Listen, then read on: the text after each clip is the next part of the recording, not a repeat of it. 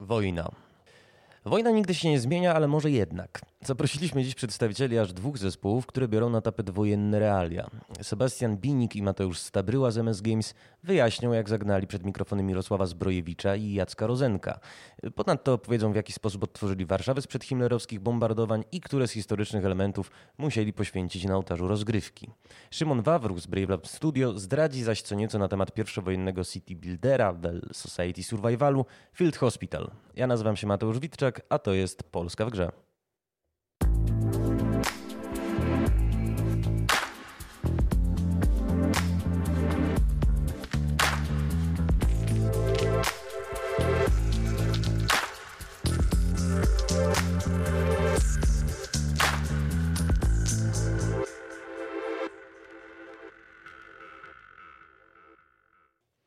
I witam bardzo serdecznie Sebastiana Binika i Mateusza Stabryły MS Games. Dzień dobry, witam. Yy, panowie, zacznijmy od kwestii najbardziej aktualnych. To znaczy, dlaczego Mirosław Zbrojewicz i skąd Jacek Rozenek? E, jeżeli chodzi o pana Mirosława Zbrojewicza, to zdecydowaliśmy się na tą postać ze względu na fakt, na, właściwie na jego charakterystyczny głos, e, który jest już kojarzony z innymi e, grami i szczerze mówiąc też z sympatii do, do samej postaci e, pana Mirosława. Stwierdziliśmy, że, nie, że jeżeli chodzi o kwestię lektora, to nie może być nikt inny niż właśnie pan Mirosław. Natomiast Jacek Rozenek się dość jednoznacznie kojarzy z protagonistą innej znanej polskiej gry. E, owszem, jest również pan Jacek bardzo, bardzo znany. Mm, natomiast e, jeżeli chodzi o, o, o pana Jacka, to tutaj e, wszystkie kwestie związane z e, właśnie podjęciem współpracy z nim były też powiązane faktem, iż pan Jacek jest pasjonatem kampanii wrześniowej i z wielką przyjemnością chciał tutaj również uczestniczyć w tym projekcie, więc było zdecydowanie łatwiej zaangażować e, pana Jacka. Niemniej jednak e, stwierdzamy, że bardzo dobrze wpasował się właśnie w ideę tego, w jaki sposób chcieliśmy, żeby ten nasz główny bohater brzmiał. E, od razu naszych może słuchaczy odeślemy w takim razie do zwiastuna, który również na polskim Game Devie opublikowaliśmy. Rzeczywiście e, Jacek Rozenek z wielką sympatią się o projekcie wypowiada, no twierdząc, że gra wideo to może być e, też bardzo dobre współczesne medium, żeby przekazać jakąś wiedzę na temat kampanii wrześniowej, ale to nas prowadzi do mm, pytania no, trochę mnie nurtującego od pierwszych zapowiedzi. To znaczy, wy się, panowie, zamierzacie skupić na tym początkowym etapie wojny, szczególnie w latach 1939-1940. Dlaczego właściwie Land of War poprzestanie na tym no, krótkim przecież wycinku historii? No jest to e, też okres jakby bardzo bogaty w różne wydarzenia historyczne. E, w szczególności e, też warto wspomnieć o fakcie, że bardzo mało gier w ogóle poruszało tą tematykę tak jak wielokrotnie już wspominaliśmy. Natomiast z tego, co mi wiadomo, pojawią się jeszcze jakieś epizody z czasów y, późniejszych. Zdradzicie jakie? E, mogę powiedzieć, że ty, Sebastian, czy ja? Nie, proszę. Może proszę, ja powiem. E, mogę powiedzieć tam rąbkiem tajemnicy, że planujemy pojawienie się DLC, które będą zawierały jakieś tam odcinki E, bądź mapy z późniejszego okresu. Aczkolwiek jak sama nazwa gry na to wskazuje, no jest to The Beginning, więc e, na ten moment skupiamy się na początku wojny. No i oczywiście, gdyby gra odniosła dalej jakiś e, sukces, na co wszyscy liczymy, to będziemy starali się tą serię kontynuować, więc nie jest to jakby jeden strzał, jeśli chodzi o sam produkt i grę, a chcielibyśmy oczywiście tą produkcję kontynuować i rozszerzać o, o kolejne lata czego życzę. Natomiast zastanawia mnie, e, czy ten pierwszy etap wojny, e, no obrona jakby nie było Polski przed e, agresją i, i III Rzeszy i ZSRR, to jest jakiś taki wybór patriotyczny. Czy Landowar chce pokazać no właśnie naszą polską perspektywę, co do której często się pojawiają takie, mm, no może nie oskarżenia, ale wyrzuty, że nie jest dostatecznie uwypuklona. No, uważam, że e, chyba każdy z nas w jakiś sposób jest patriotą na swój sposób, że tak się powtórzę. E, no, dla nas osobiście ten okres jest też interesujący. Jakby tutaj decydując się na produkcję gry, kierowaliśmy się też tym, co nas osobiście interesuje. i co z naszej perspektywy byłoby ciekawe dla graczy. E, wiadomo, że e, trafimy do Wielunia, e, odwiedzimy Warszawę sprzed himlerowskich bombardowań, będziemy eksplorować Puszczę Kampinoską, plażę Helu, rozegramy bitwę pod Mokrą. Gdzie jeszcze trafimy? Trafimy między innymi w pięknie odwzorowaną, odwzorowane warszawskie koloseum, tak zwane, czyli w, na starą gazownię warszawską. Mm, z której osobiście jestem bardzo dumny, jeżeli chodzi o sam efekt wizualny, mm, ale i również sama rozgrywka na tej mapie będzie bardzo ciekawa. E, będzie jeszcze kilka lokalizacji e, w Polsce lub takich mniejszych e, miejsc, gdzie się znajdziemy, które będą podpięte pod większą lokalizację. Natomiast nie wiem, czy chciałbym jeszcze tak wszystkie te elementy zdradzać. Na pewno będzie epizod z Helem. Jeszcze raz? Epizod z? Y, słucham? Jeszcze raz, jaki epizod? Epizod związany z polskim morzem. O, mm -hmm. może tak powiem.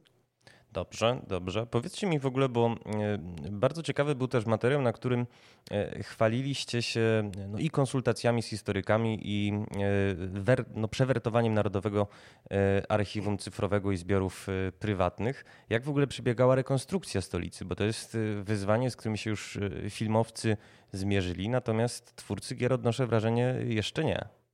No tutaj podejście do tego tematu, no to jakby wymagało na pewno dużo czasu i cierpliwości, bo właśnie między innymi korzystaliśmy z Narodowego Archiwum Cyfrowego, korzystaliśmy też ze zbiorów prywatnych e, różnych osób, które tutaj e, dzięki swojej uprzejmości udostępniały nam materiały, bądź to z nami konsultowały.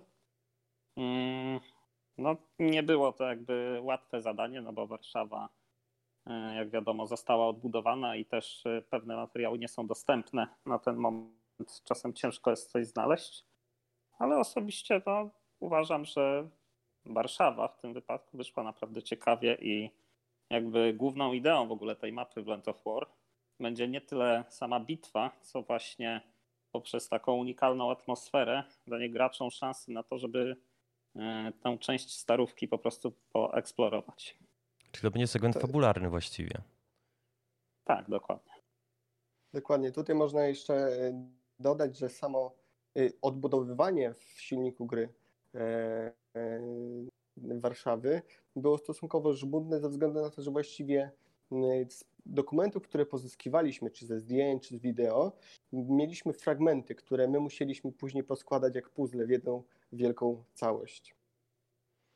Mm, a skoro w takim razie wykonaliście taką pracę nad rekonstrukcją Warszawy, to powiedzcie mi, czy nie kusiło was, żeby e, może zrobić spin-off, to znaczy jak e, The Farm 51, e, które najpierw przygotowało przecież film dokumentalny o, o Czarnobylu, a dopiero później przekuło go w komercyjną grę wideo. Pomysłów było naprawdę sporo, natomiast nie ukrywam, że tutaj też w związku z epidemią COVID-em no niestety część z nich nie została zrealizowana. Chcieliśmy też e, porozumieniu między innymi z niektórymi instytucjami umożliwić e, zwiedzanie 3D Warszawy. No było naprawdę dużo ciekawych pomysłów dotyczących tego. Natomiast no, stanęliśmy na tym, że taka możliwość pojawi się dopiero w grze.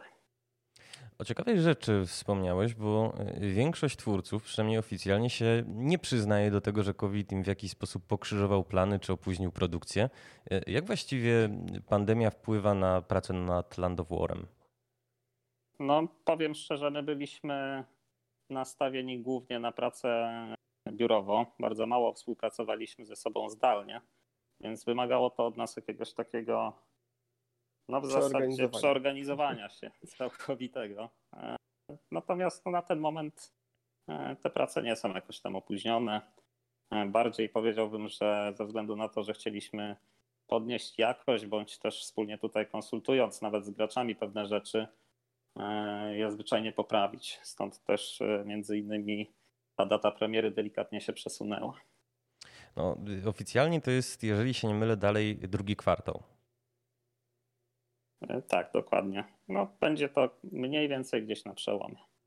To znaczy na przełomie drugiego i trzeciego kwartału? Nie, Q1 i Q2. O proszę, no to to jest przyjemne zaskoczenie. E... Choć jak wiadomo, no można tutaj jednak dać gwiazdeczkę, bo nigdy nie wiadomo, co będzie. No nigdy nie wiadomo, co będzie, natomiast y, rozumiem, że projekt jest już w dużej mierze e, gotowy y, i na przykład gotowe jest 40 typów uzbrojenia. Tutaj, o, y, jeżeli chodzi o uzbrojenie, to to prawda jest już wykonane, wykonane są modele, natomiast do tego momentu jeszcze mogę powiedzieć, że pracujemy nad feelingiem, mówiąc kolokwialnie.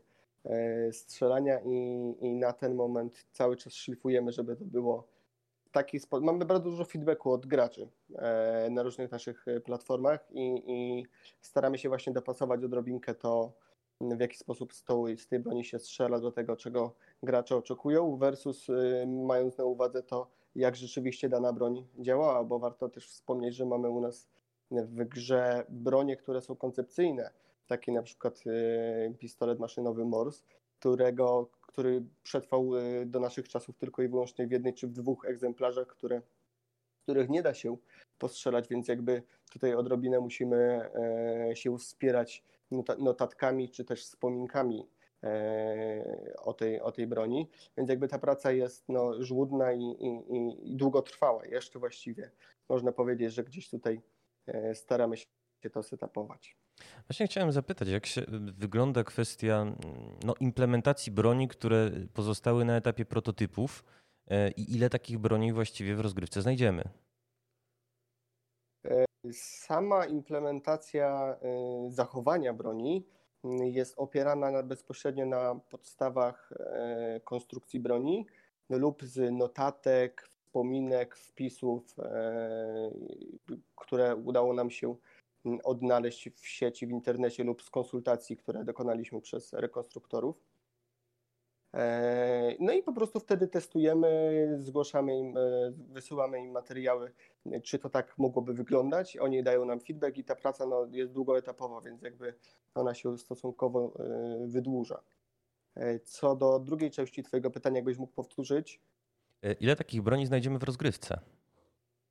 koncepcyjnych. Mhm. Na 100% kilka, natomiast nie chciałbym dokładnej liczby zdradzać ze względu na to, że kilka tych broni jest poukrywanych w lokalizacjach w taki sposób, żeby gracz musiał się odrobinę postarać i eksplorować.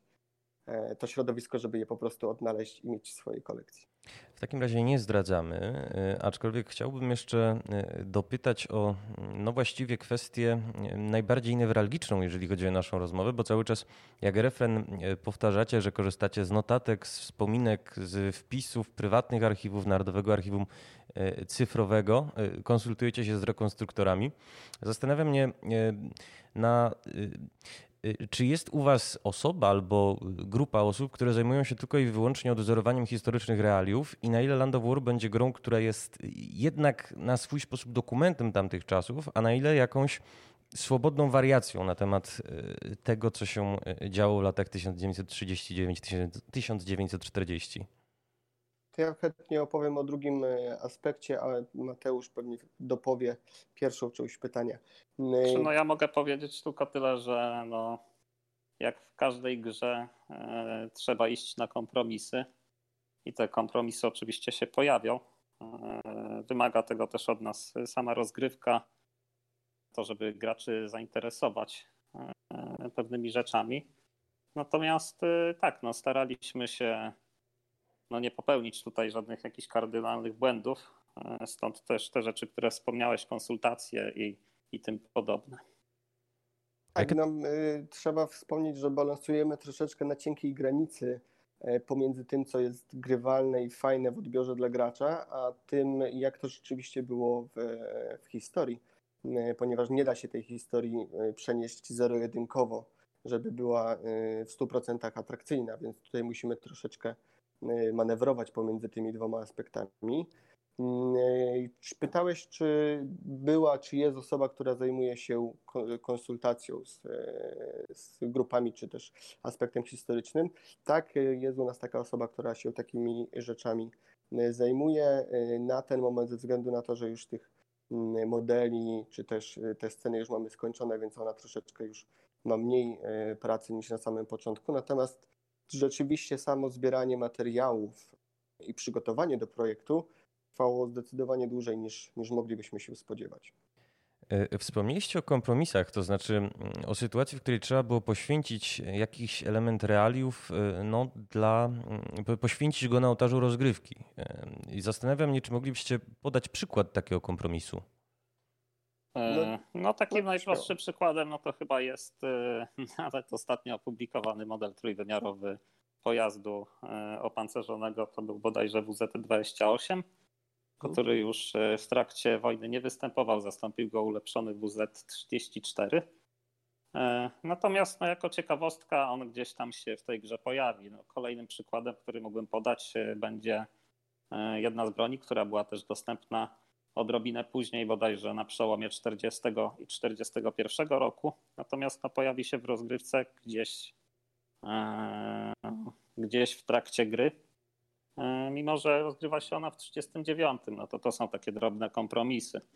Aczkolwiek no są, taki, to są to takie pojedyncze przypadki, jakby, e, no, które gdzieś tam się pojawią. Ja się zastanawiam, czy no największym kompromisem nie jest sama postać protagonisty, Piotra Kowalskiego, no bo on jest jednocześnie e, i członkiem piechoty, i snajperem, i artylerzystą, e, zwiadowcą, czołgistą i jeszcze pilotuje myśliwiec. To raczej nie było po prostu żołnierzy tak wszechstronnie wykształconych, a gdyby byli, no to faktycznie mogłaby się kampania wrześniowa zgoła inaczej potoczyć. Mm, prawda. Piotr Kowalski łączy w sobie wiele faktycznie umiejętności E, można powiedzieć, że jest jakimś tam typem superbohatera, e, który musi przez ten wrzesień 1939 roku i nie tylko przejść obronną ręką. Ja bym powiedział, że on jest tak, takim odwzorowaniem żołnierzy troszeczkę polskich, jako takie przedstawienie e, ich w jednej postaci. Czyli mieliśmy różne umiejętności, różne stopnie. I właśnie Piotr Kowalski jest takim uosobieniem tych wszystkich. Czy, czy tych wszystkich ludzi. Dokładnie. Czyli polski superbohater z czasów II wojny światowej. E, panowie, to na koniec mm, jeszcze jest kwestia jedna, która mnie nurtuje, bo nie jest tajemnicą, że z E, realiami e, wojennymi no, w kontrowersyjny sposób próbowały się zmierzyć od ostatniej odsłony Battlefielda i zastanawiam się, czy nie budujecie troszkę przynajmniej estetycznie swojej gry w kontrze do nich. No bo one się spotkały z, nie chcę mówić, że gremialną krytyką, bo ona gremialna nie była, aczkolwiek była rzeczywiście bardzo y, agresywna, roszczeniowa mniejszość, która zarzucała, że y, są zbyt y, cukierkowe, że są nieakuratne historycznie, etc. Czy, czy budujecie się w kontrze do, do Battlefieldów? Hmm. Ja się oczywiście cieszę, że jesteśmy porównywani do Battlefieldów, między innymi też Call of Duty. Warto wspomnieć, że jesteśmy małym studiem indie, a do tego debiutującym. E, natomiast e, nie, myślę, że są to produkty, e, a w zasadzie gry całkowicie inne. I nie bardzo jest tutaj co porównywać. My stawiamy na swoje wątki, rzeczy, które nas interesują. Tam chyba też troszeczkę jednak odbiorca był inny. A jaki, no, przede wszystkim jaki jest wasz odbiorca? Bo to jest ciekawa kwestia. Nie dosłyszałem. Tak, ja też raz bym przeprosił. Y, y, a jaki jest wasz odbiorca w takim razie? Bo to jest kluczowa kwestia, wydaje mi się. E, my najbardziej celujemy, w zasadzie porównujemy się do tych oldschoolowych strzelanek, czyli Medal of Honor, jeszcze tych starszych serii Call of Duty, gdzie no tak naprawdę chodzi o to przyjemny feeling strzelania, e, ciekawe lokalizacje, e, delikatny plot tutaj faktycznie fabularny, przede wszystkim no, jest to gra single player, a nie multiplayer, co warto zaznaczyć. Mm, stąd też no, ten odbiorca myślę, że będzie szukał tutaj przede wszystkim ciekawej historii, innych lokalizacji, nowego typu uzbrojenia, którego wcześniej gdzie w innych grach nie znalazł. I dodatkowo y, oparte na bardzo dobrej muzyce instrumentalnej z oprawą naprawdę wybitnych polskich aktorów. A kto, muzyk, kto muzykę pisze, jeżeli można wiedzieć? Ja tego na razie nie zdradzę. Okay. To pięknie wybrnąłeś, Mateusz. Bardzo Wam panowie serdecznie dziękuję za rozmowę. Moimi gośćmi byli Sebastian Binik i e, Mateusz Stabryła, MS Games. Dziękuję, dziękuję serdecznie. Bardzo. Pozdrawiam.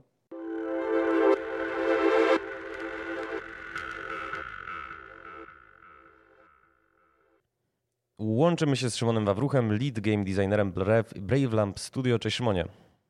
Witam serdecznie.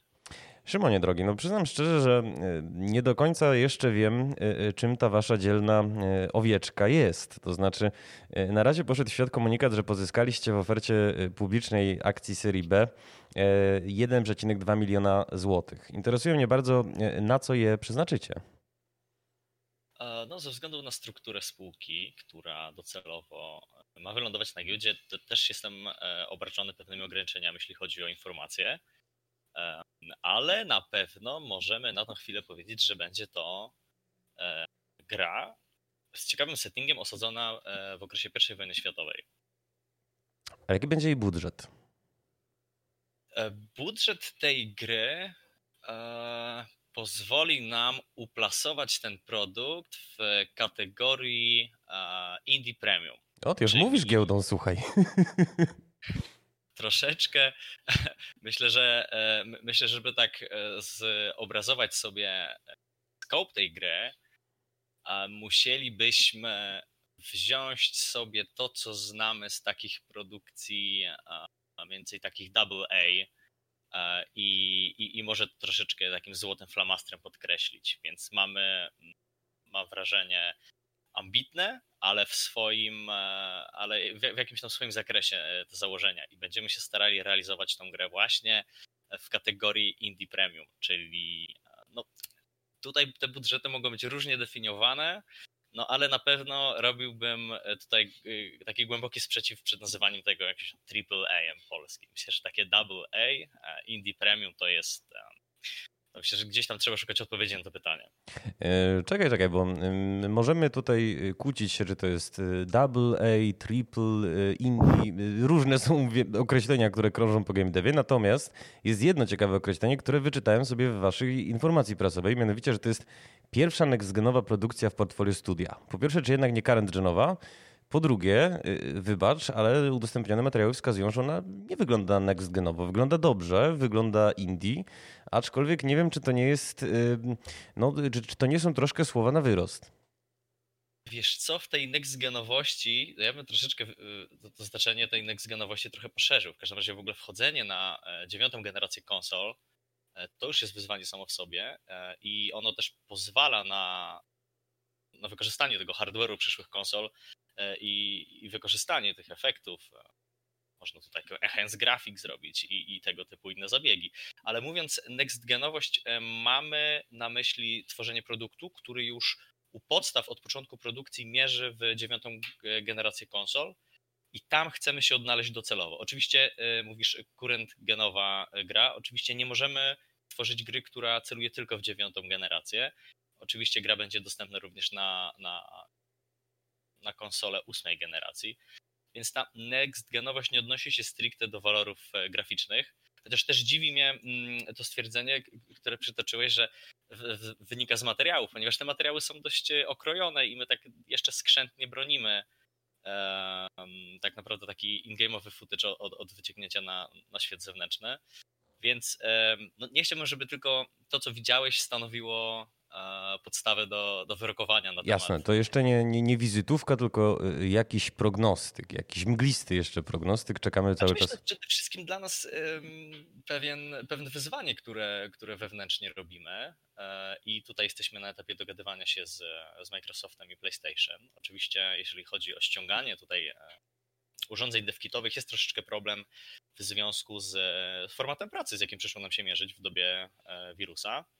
E, I, I tutaj brak tego stacjonarnego IP jest troszeczkę wyzwaniem samym w sobie, więc e, nie dość, że e, dziewiąta generacja konsol będzie technologicznie nowym, ciekawym wyzwaniem, to mhm. też samo rozpoczęcie pracy jest obarczone dodatkowymi problemami, no, z którymi staramy się sobie radzić i mam wrażenie, że wywiązujemy się lepiej niż dobrze z, z tych obowiązków i w ramach tych ograniczeń.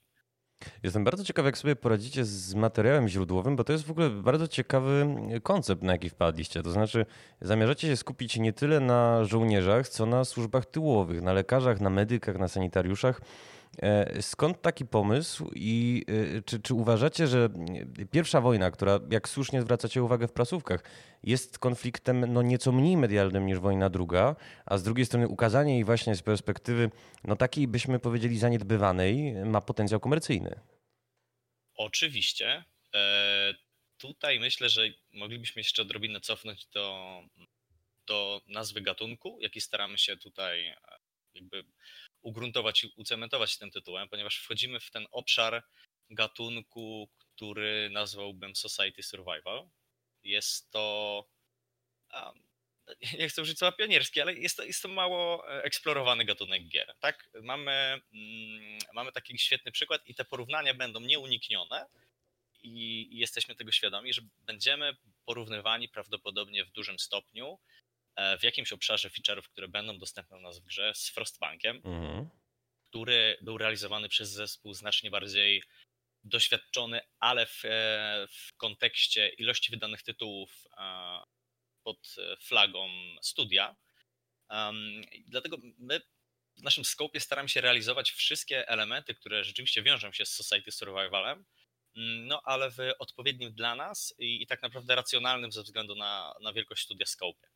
Więc, um, więc, więc, mamy, mamy tutaj ten gatunek, który realizujemy i z drugiej strony czemu y, pierwsza wojna światowa? A to dlatego, że y, jeżeli mówimy o Society Survivalu, musimy, pomyśleć o dość opresyjnym y, środowisku, które pozwoli nam chronić naszą, naszą małą społeczność. I pomyśleliśmy, że pierwsza wojna światowa jest nie tylko mało eksplorowanym, ale przede wszystkim szalenie ciekawym E, settingiem, w jakim można osadzić grę, a mm, ten wybieg w stronę e, tego zaplecza medycznego, który był, który był bardzo ważny i jednocześnie dość, dość eksperymentalny w tamtych czasach, wydaje nam się takim fajnym twistem, który pozwoli nam wyróżnić troszeczkę produkt i nie odnosić się tylko w, w sposób dość oczywisty do elementów wojennych w grze wojennej, ale, ale żeby podnieść troszeczkę inną warstwę i, i, i też dzięki temu wyposażyć się w troszeczkę inne narzędzia narracyjne, które tak naprawdę świetnie odnajdują się dokładnie w, w takim settingu, jaki sobie wybraliśmy. A jak wyglądał research do tego settingu? A, wiesz co, no powiem ci, że to też stanowi wyzwanie samo w sobie, ponieważ wiemy, że II wojna światowa jest paliwem napędzającym game dev od, e, od dobrych dwóch dekad. Jeśli chodzi o pierwszą wojnę światową, to ostatnio jest jakimś świetnym przykładem gry, która e, zrobiła to w dużej skali jest e, Battlefield, który rzeczywiście jest osadzony w I wojnie światowej, wygląda świetnie. Moim zdaniem znacznie bardziej ciekawszy niż, niż pozostałe Battlefieldy ze względu na taką retro oryginalność tamtych konceptów broni i, i, i, całego stylu gry. Jeżeli ktoś chciałby postrzelać troszeczkę bardziej w, w mniej arcade'owy sposób, a troszeczkę bardziej, no nie chcę użyć słowa symulacyjny, ale taki bardziej oddający klimat tamtych czasów, e, sposób grania, e, to jest taki, taka gra, która się nazywa Verdun i ona troszeczkę oddaje mhm inny charakter tej wojny. Więc robienie researchu no, z poziomu e, ogrywania tytułów jest dość trudne, ale no, to, to trzeba odwoływać się do materiałów historycznych. Tych materiałów jest zdziwiająco dużo, mm, ale sposób, e, w jaki trzeba do nich docierać, no, on nastręcza najwięcej, największej ilości problemów. Mm, duży zasób informacji pochodzi z muzeów, e, z opracowań historycznych, ale z kolei, gdy chcemy się odwołać na przykład do takich rzeczy jak nagrania dźwiękowe, jest ich znacznie mniej e, ze względu na ograniczenia technologiczne. Mamy dużo, dużą ilość fotografii, ale znowu filmów jest zaskakująco mało.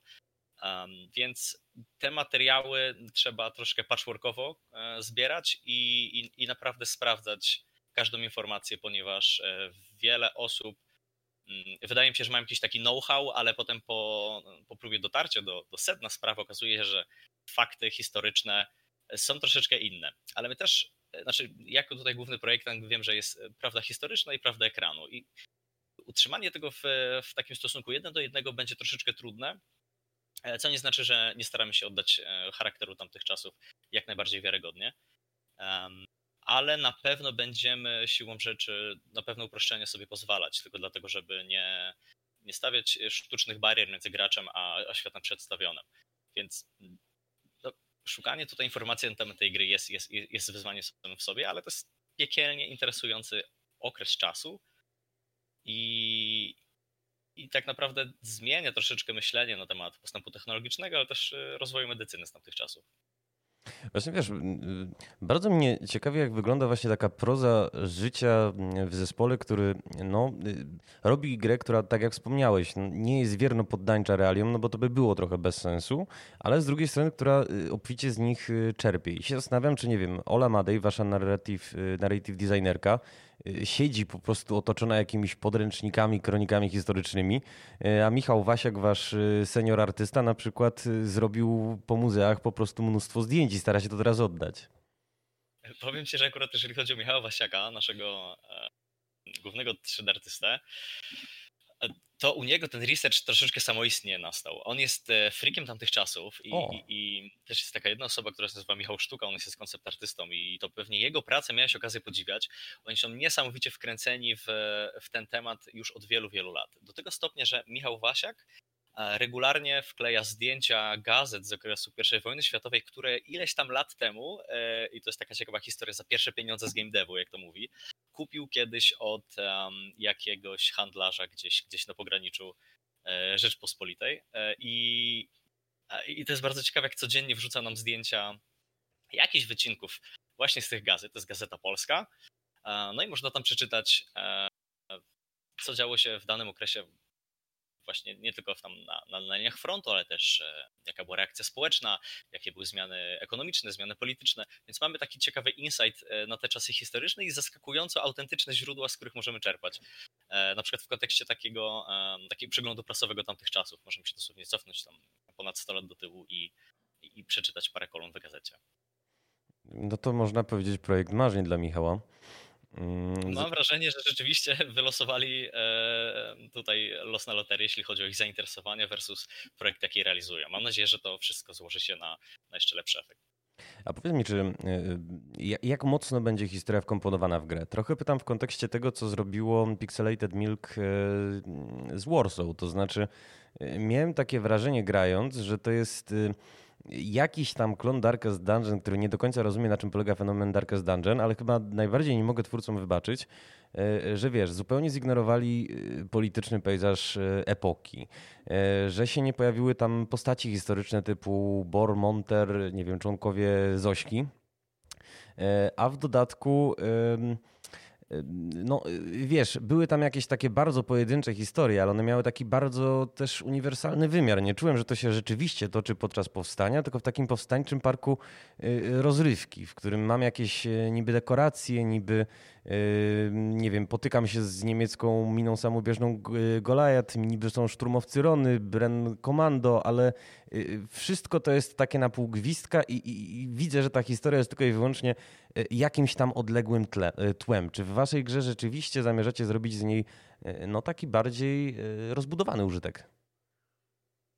Myślę, że na twój, um, na, na twoją ocenę e, Warsaw nałożyły się dwa elementy. Jeden to może być właśnie tutaj to, to wykonanie, które możemy tutaj no, subiektywnie lub obiektywnie do niego podejść. Prawdopodobnie mogło być lepsze, o ile nie można tak powiedzieć o każdym tytule, nie tylko w polskim game devie. Ale z drugiej strony na pewno um, doszedł do tego taki czynnik, który u nas troszeczkę jest wymijany, a mianowicie tym czynnikiem jest uh, ilość informacji, jakimi nasiąka zwykły odbiorca. Jeśli chodzi o II wojnę światową, która jest bardzo dobrze zreferowana E, w szkole, w telewizji, w wszystkich mediach, z którymi jesteśmy otoczeni, e, no to też nasza świadomość i wymagania na temat e, pewnej odpowiedzi, już nie mówię takiej narracji czysto po, polskiej, jeśli chodzi o podejście do tego, co działo się w Warszawie, ale jeżeli chodzi o taką pełną świadomość tego, jak powinna wyglądać wojna. No to mm, w, jeżeli robimy coś o II wojnie światowej, wychodzę z założenia, że gracz ma znacznie lepszy research. On po prostu naturalnie i odruchowo rozumie, co zostało przedstawione poprawnie lub nie. Jeśli chodzi o pierwszą wojnę światową, to sytuacja jest troszeczkę inna. Tak na przykład e, takim zaskoczeniem może być to, że w materiałach historycznych z tamtej czasów nie używany był zwrot pierwsza wojna światowa. Dla mnie jest to już oczywiste, ale oni nie mówili pierwsza wojna, tylko, tylko wielka. wielka wojna. Mm -hmm. Tak, dlatego, że nie było jeszcze II wojny światowej, więc nazewnictwo było troszeczkę inne. Ale to ten przykład y, bardzo wyraźnie pokazuje, jaka jest różnica świadomościowa, jeśli chodzi o tamte czasy.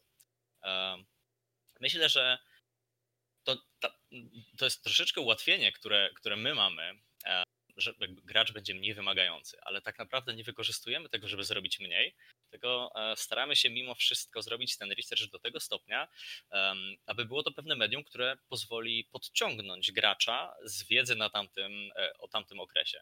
Więc jeżeli chodzi o warstwę historyczną, e, ona będzie istotna i będzie nam to towarzyszyła jakby przez całą grę. Mamy tutaj pewną.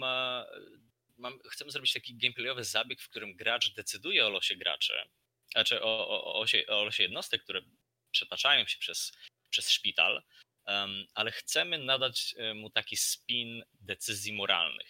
I właśnie, żeby wesprzeć e, tego typu rozwiązania gameplayowe, musimy troszeczkę przybliżyć gracza do wszystkich postaci, które są wewnątrz e, obszaru, w którym rozgrywa się gra. I tutaj właśnie nieodzownym elementem będzie prowadzenie narracji. I ta narracja będzie miała różny wymiar. E, od ogólnej, e, która będzie jakby takim action arkiem, który będzie prowadził naszą kampanię, naszą grę w przód przez rozbudowany system jakby dużych misji, ale będziemy mogli zejść nieco niżej, a właściwie nawet bezpośrednio już dowiedzieć się, jaki jest background żołnierza, który jest ranny, kim on jest. E, będziemy mogli troszeczkę zajrzeć za kurtyny tego, kim on jest poza wojną, kim on był przed tym, zanim przyjechał na front liczymy, że mm, to wpłynie na decyzję gracza, mimo tego, że jako szpital polowy, no jednak jego głównym celem jest odsyłanie żołnierzy z powrotem na front, co jest tak naprawdę bardzo dramatyczną decyzją. Więc um, mamy tutaj nie tylko środowisko, w którym jednostki walczą o życie, ale też e, gracza, który jest włożony w, między młota kowadło, który musi odpowiadać za obronę szpitala, za, za, za front wojenny, ale też z drugiej strony musi bardzo mocno jakby budować swój charakter i, i być twardy, ponieważ decyzje, które przyjdzie mu podejmować, są e, bardzo tak naprawdę nie białe i czarne, to wszystko jest takim działaniem w spektrum szarości. I, I, tutaj wydaje mi się, że narracja w różnych formach jest nie, nieodzowna, aby podbudować istotność tych decyzji. Masz rację, od porównań do Frostpunka i do War of Mine daleko nie uciekniemy przy takim przy takim koncepcie. E, zamierzacie sprzedać kilkaset tysięcy egzemplarzy w dwa lata. To jest e, ambitny cel. E, uważacie, że rzeczywiście jest jakby na tyle liczne audytorium, które no po prostu tłumnie się ruszy, rzuci, przepraszam, na tego typu gra? Na pewno wierzymy, że setting oraz gatunek, jakim jest Society Survival, pozwoli nam zwiększyć bazową rzeszę potencjalnych odbiorców, ale to oczywiście nie wystarczyłoby, gdybyśmy nie, nie wierzyli, że potrafimy wprowadzić rozwiązania gameplayowe, które w jakiś sposób pozwolą przebić się poza niszę, w jaką celujemy, czyli tam możemy zdefiniować jako niszę historyków, E, niszę fanów gier wojennych, ale im dłużej będziemy tak naprawdę opisywać tą niszę, to okaże się, że ona jest, jest dość szeroka. Zawsze jest taki problem przebicia się do graczy casualowych, którzy tak naprawdę chcą spędzić kilka godzin um, przyjemnie pogrywając w jakąś grę, mm, ale liczymy na, na to, że narzędzia i, i, i sposoby wyrazu niektórych elementów e, feature'ów zawartych w grze pozwolą nam e, być znacznie bardziej angażującym nawet dla casuali, aniżeli wynikałoby to tylko ze, słupków i statystyk. Oczywiście to może być potraktowane jako czcze gadanie, e, ale wiemy, że u samych podstaw tego projektu leżą bardzo ciekawe rzeczy, jeśli chodzi o setting, jeżeli chodzi o typ gry. No i teraz e, pozostaje tylko kwestia egzekucji. To na koniec jeszcze mam pytanie odnośnie do waszego drugiego zapowiedzianego projektu, y, którego znam tytuł, Enemy of the State. Natomiast y, wasza strona, jak próbuje się czegoś dowiedzieć o tym projekcie, y, odsyła mnie znowu na główną. No i Google też nie jest tutaj zbyt pomocny. Co to w ogóle ma być? Czy jest stworzone równolegle do, do Field Hospital? Gdybyś był... Mhm. Mhm. Nie, nie, dokończ myśl. Gdybyś był łaskaw troszkę naszym słuchaczom o tym drugim projekcie też opowiedzieć. E, więc drugi projekt jest już e, projektem e, skończonym od strony dokumentacyjnej. Więc jakby nic nie stoi na przeszkodzie, aby rozpocząć pracę nad nim no, poza zdrowym rozsądkiem. Jesteśmy dużą grupą i, i na razie 100% koncentracji pracy koncentrujemy na, na Field Hospitalu. Tak jest roboczy tytuł właśnie tego tytułu. Jeżeli chciałbyś dowiedzieć się czegoś więcej, no to niestety jest za wcześnie. Jest za wcześnie z, z różnych względów. Jeszcze nie jest to Nie jest to realizowany przez nas produkt. Na razie koncentrujemy się na Field Hospitalu. Czas produkcji jest jeszcze, jeszcze długi, więc zostało nam jeszcze ponad 20 miesięcy pracy, myślę, że spokojnie. Mamy już rozplanowane DLC-ki do, do Field Hospitala, więc myślę, że ten support dodatkowo może odsunąć w czasie rozpoczęcia pracy nad Enemy State'em, ale na tą chwilę mogę tylko powiedzieć, że będzie to zupełnie inny typ gry. I będzie się cechował na pewno bardziej arcade'owym stylem. Ale to chyba wszystko, co mogę zdradzić na tą chwilę. Serawi, no cóż, taka rzeczywistość y, giełdowa, game devowa. E, Szymonie, bardzo Ci w takim razie dziękuję, że znalazłeś czas, żeby e, naszym słuchaczom troszkę o Brave Lamp Studio i Field Hospitalu opowiedzieć. E, przypomnę, że naszym gościem był Szymon Wawruch, lead game designer Brave Lamp Studio. Bardzo dziękuję.